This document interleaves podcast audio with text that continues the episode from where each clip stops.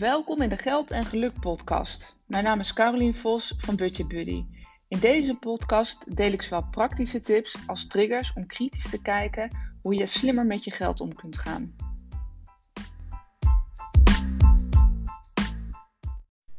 Hey, leuk dat je weer luistert naar een nieuwe aflevering van de Geld en Geluk podcast.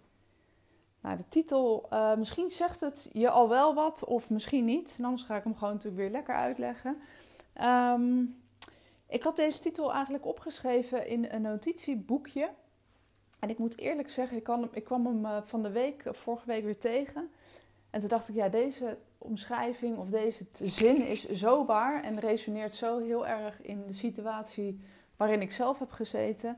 Um, en ik gebruik hem eerlijk gezegd ook bij heel veel coachings, omdat hij voor heel veel mensen van toepassing is.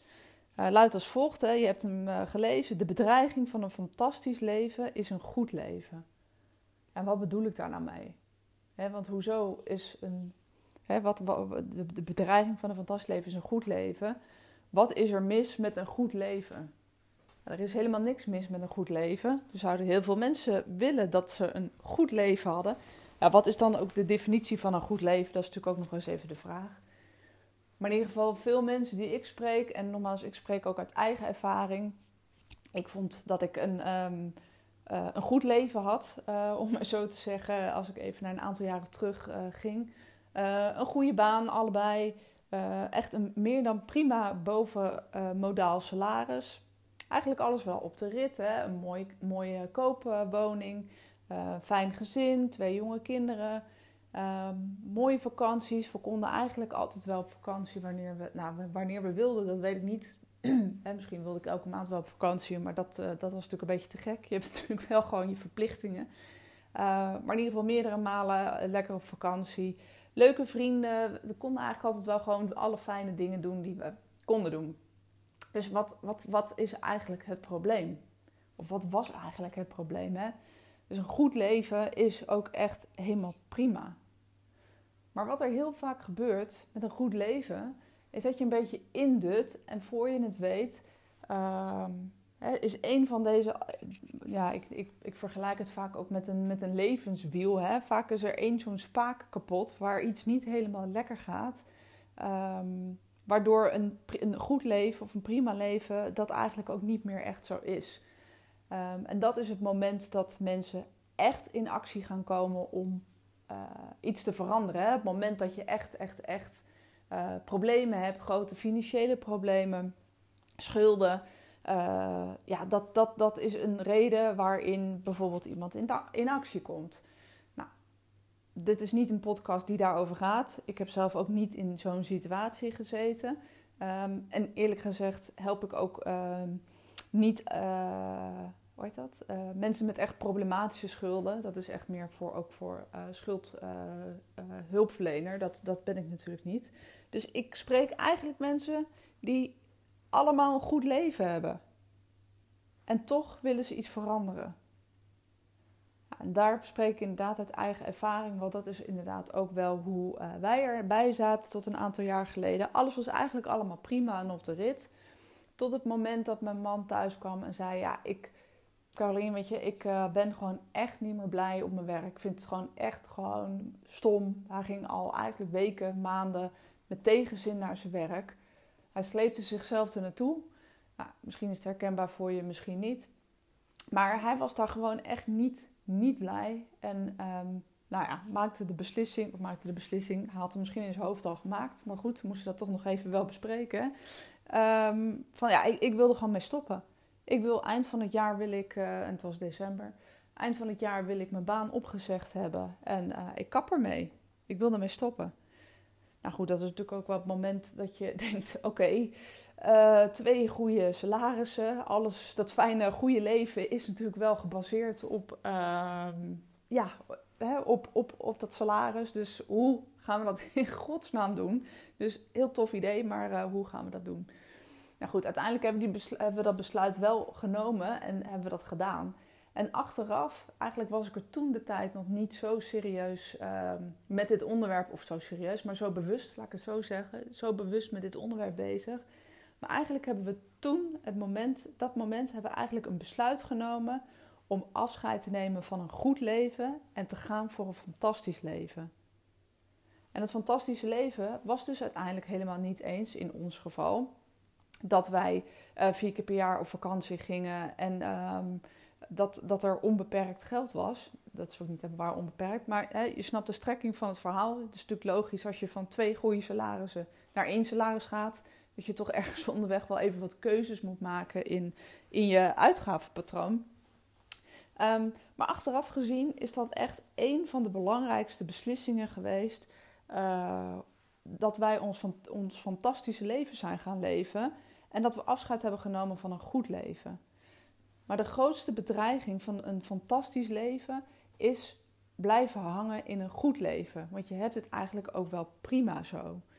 Um, en ze noemen dat ook wel leefstijlinflatie. Dat is ook waar ik zelf ook in die zin last van had. Of nou ja, dat hebben we eigenlijk doorbroken. En je blijft maar in zo'n ratje rennen.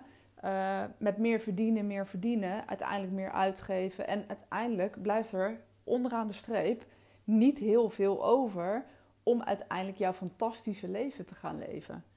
Want hoe je het ook went of keert, kan er een heel, heel uh, romantisch verhaal van maken.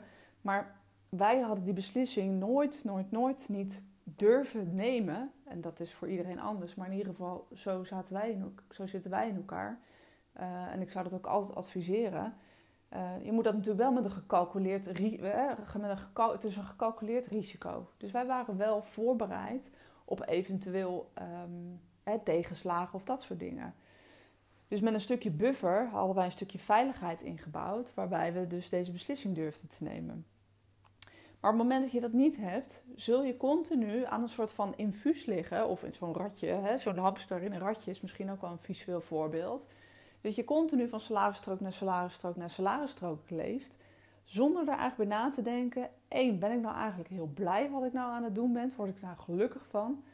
Um, en sta daar nou eens wat vaker bij stil. Van hey, heb ik nou een goed leven? Of ben ik nou mijn meest fantastische leven aan het leven? En wat zijn dan de keuzes die je anders kan maken of moet maken? je moet niks. Je kan natuurlijk ook gewoon lekker het leven blijven leven zoals je het wil. En als je dat prima vindt. Uh, het risico is alleen dat je er hè, geen stap richting je dromen maakt. Dus dat, dat vind ik altijd een beetje jammer. Maar goed, eigenlijk zijn er twee redenen waarom je wel in actie gaat komen of waarom je niet in actie gaat komen. Eén is als je er als je echt van je situatie, hè, dus uh, als je er echt last van hebt. En dat is dus het, dat is dus het, de groot, het grote gevaar met een goed leven. Want ja, waar heb je dan eigenlijk last van? Niet zoveel, want je hebt, eigenlijk heb je het prima. Hè? Wat ik zei al, uh, mensen die ik help zijn vaak mensen die, die geen schulden hebben of echt financiële, dat je slapeloze nachten hebt. Um, maar uh, en dat maakt het dus, en uh, dat wilde ik eigenlijk zeggen, dat maakt het dus ook zo lastig. Want je hebt die pijn niet. Op het moment dat je echt die pijn hebt, dan ga je vaak pas in actie komen. Als ik even het voorbeeld uh, nog een keer aanhaal van, van mijn man. Op een gegeven moment was de druppel gewoon, hè, was het gewoon de druppel. En had hij er echt daadwerkelijk slapeloze nachten van. Dat hij zijn werk niet meer leuk vond. Um, en dat maakte dat hij dat besluit nam van dit leven is niet meer, weet je wel, ik wil daar een andere keuze in maken. Maar dat betekent dat je al best wel uh, daar last van moet hebben, wil je in beweging komen. Nou, en dat ligt natuurlijk per, per mens een beetje verschillend, maar over het algemeen gaan we heel vaak over die eigen grenzen heen van wat nog een beetje gezond is. Dat is niet voor niets dat mensen in een burn-out raken. Um, en dat, is, dat heeft natuurlijk heel veel verschillende redenen. Maar in mijn ogen is een van de grootste redenen uh, hè, dat je ook niet doet waar je uiteindelijk heel blij en gelukkig van wordt. Dus, dat, dus je bent niet je meest fantastische leven aan het leven. Of je bent het leven van iemand anders aan het leven. Uh, of wilt voldoen aan verwachtingen die, die je zelf niet waar kan maken. Er zijn natuurlijk tal van redenen. Maar uiteindelijk uh, vind ik het altijd zo jammer dat zoiets moet gebeuren voordat hè, voordat je in actie komt. En hetzelfde geldt natuurlijk, ik wijk een beetje af van het onderwerp. Um, het gaat natuurlijk niet over een burn-out, maar dat is hetzelfde met, met, met, uh, hè, met financiën. Moment dat je echt helemaal je spaargeld hebt opgegeten, ja, is dat dan pas het moment dat je denkt: hé, hey, eigenlijk um, wil, ik het, wil ik het anders. Eh, en op deze manier krijg ik het natuurlijk nooit voor elkaar om een meest fantastische leven te leven. En dat komt, hè, dus, dus ehm, nou ja, ik probeer je daarin in, in bewust te maken dat zorg ervoor dat je niet per se helemaal in die diepe, diepe pijn zit, dat je er echt last van hebt. Want dan ben je eigenlijk, sta je al 10-0 achter. Maar goed, weet dus ook dat dit dus het meest uh, ingewikkelde is. Want op het moment dat je nou ja, er hmm, hmm, last van hebt en dat een goed leven ook prima is, kom je niet in actie. Nou, een oplossing zou kunnen zijn, dat is eigenlijk ook een tweede reden waarom je wel of niet in actie kan komen. En dat is uh, wat mij betreft de allerbelangrijkste reden. Die, kan je, die, kan die gaan we ook meteen positief benaderen. Om van je goede leven een fantastisch leven te maken. En hoe kun je dat doen? Dat, dat, dat uh, kan je doen door een stuk verlangen. Het moment dat je weet uh, of over nagedenkt van hey, hoe ziet nou mijn mooiste, fantastische leven eruit? Op het moment dat tijd, geld geen issue is. En schrijf dat dus voor jezelf op. En dat is de reden waarom je uiteindelijk in actie gaat komen en dat je je goede leven in gaat ruilen voor een fantastisch leven. Um, en uiteindelijk zul je dus, hè, dus op het moment dat je zegt, hey, dat, ziet er, dat ziet er zo uit. Dus nogmaals in het, in het voorbeeld wat, uh, wat ik zelf aangaf bij mijn man die voor zichzelf was begonnen. Het meest fantastische leven op dat moment was een droom om eigen ondernemer te worden. Om voor zichzelf dingen te doen en zichzelf verder te ontwikkelen. En uiteindelijk zijn natuurlijk allerlei dingen op zijn pad gekomen die, uh, uh, die tegen zijn gevallen, maar ook mee zijn gevallen. Je weet nooit natuurlijk wat er precies op je pad gaat komen. Alleen, alleen al de beslissing die hij had genomen door te zeggen: Oké, ik stop hiermee. En ik ga al mijn energie stoppen in, in de toekomst, in de, in de dingen, in de dromen die ik graag waar wil maken. Dat geeft zoveel meer energie. En op die manier ben je echt je, je nou ja, meest fantastische leven eigenlijk aan het bewandelen. In plaats van het is allemaal prima zo. En voor je het weet, als je vijf jaar verder bent en terugkijkt, je denkt: wat is er eigenlijk, wat heb ik eigenlijk allemaal gedaan met mijn tijd? Hè, maar wat, wat, wat we heel vaak niet bereid zijn, is we zijn niet bereid om de dingen die we vandaag de dag uh, op korte termijn uh, allemaal hè, in dat goede leven, om maar zo te zeggen, allemaal hebben. We zijn niet bereid om daar concessies in te doen en om keuzes te maken. En dat is ook een van de belangrijkste redenen waarom veel mensen in een goed leven blijven hangen en niet naar een fantastisch leven aan het uh, werken zijn. Hè, maar je zult, en dat is natuurlijk slecht nieuws in deze podcast, um, maar je zult keuzes moeten maken. Je zult soms dingen moeten opofferen om uiteindelijk je fantastische leven te gaan uh, leiden.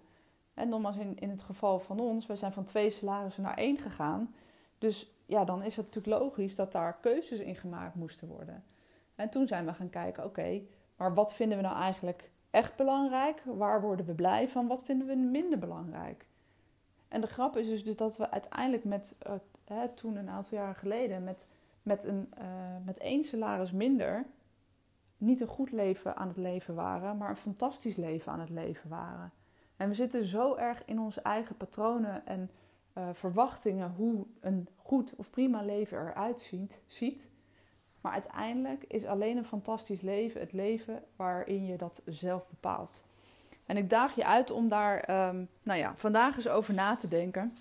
En er vertrouwen op te hebben dat dat ook voor jou kan. En dat er heel veel voor de toekomst is weggelegd. Um, nou, ik hoop dat het wat stof geeft tot uh, nadenken. En uh, ik zou het tof vinden als je wil laten weten uh, wat jouw fantastische leven is.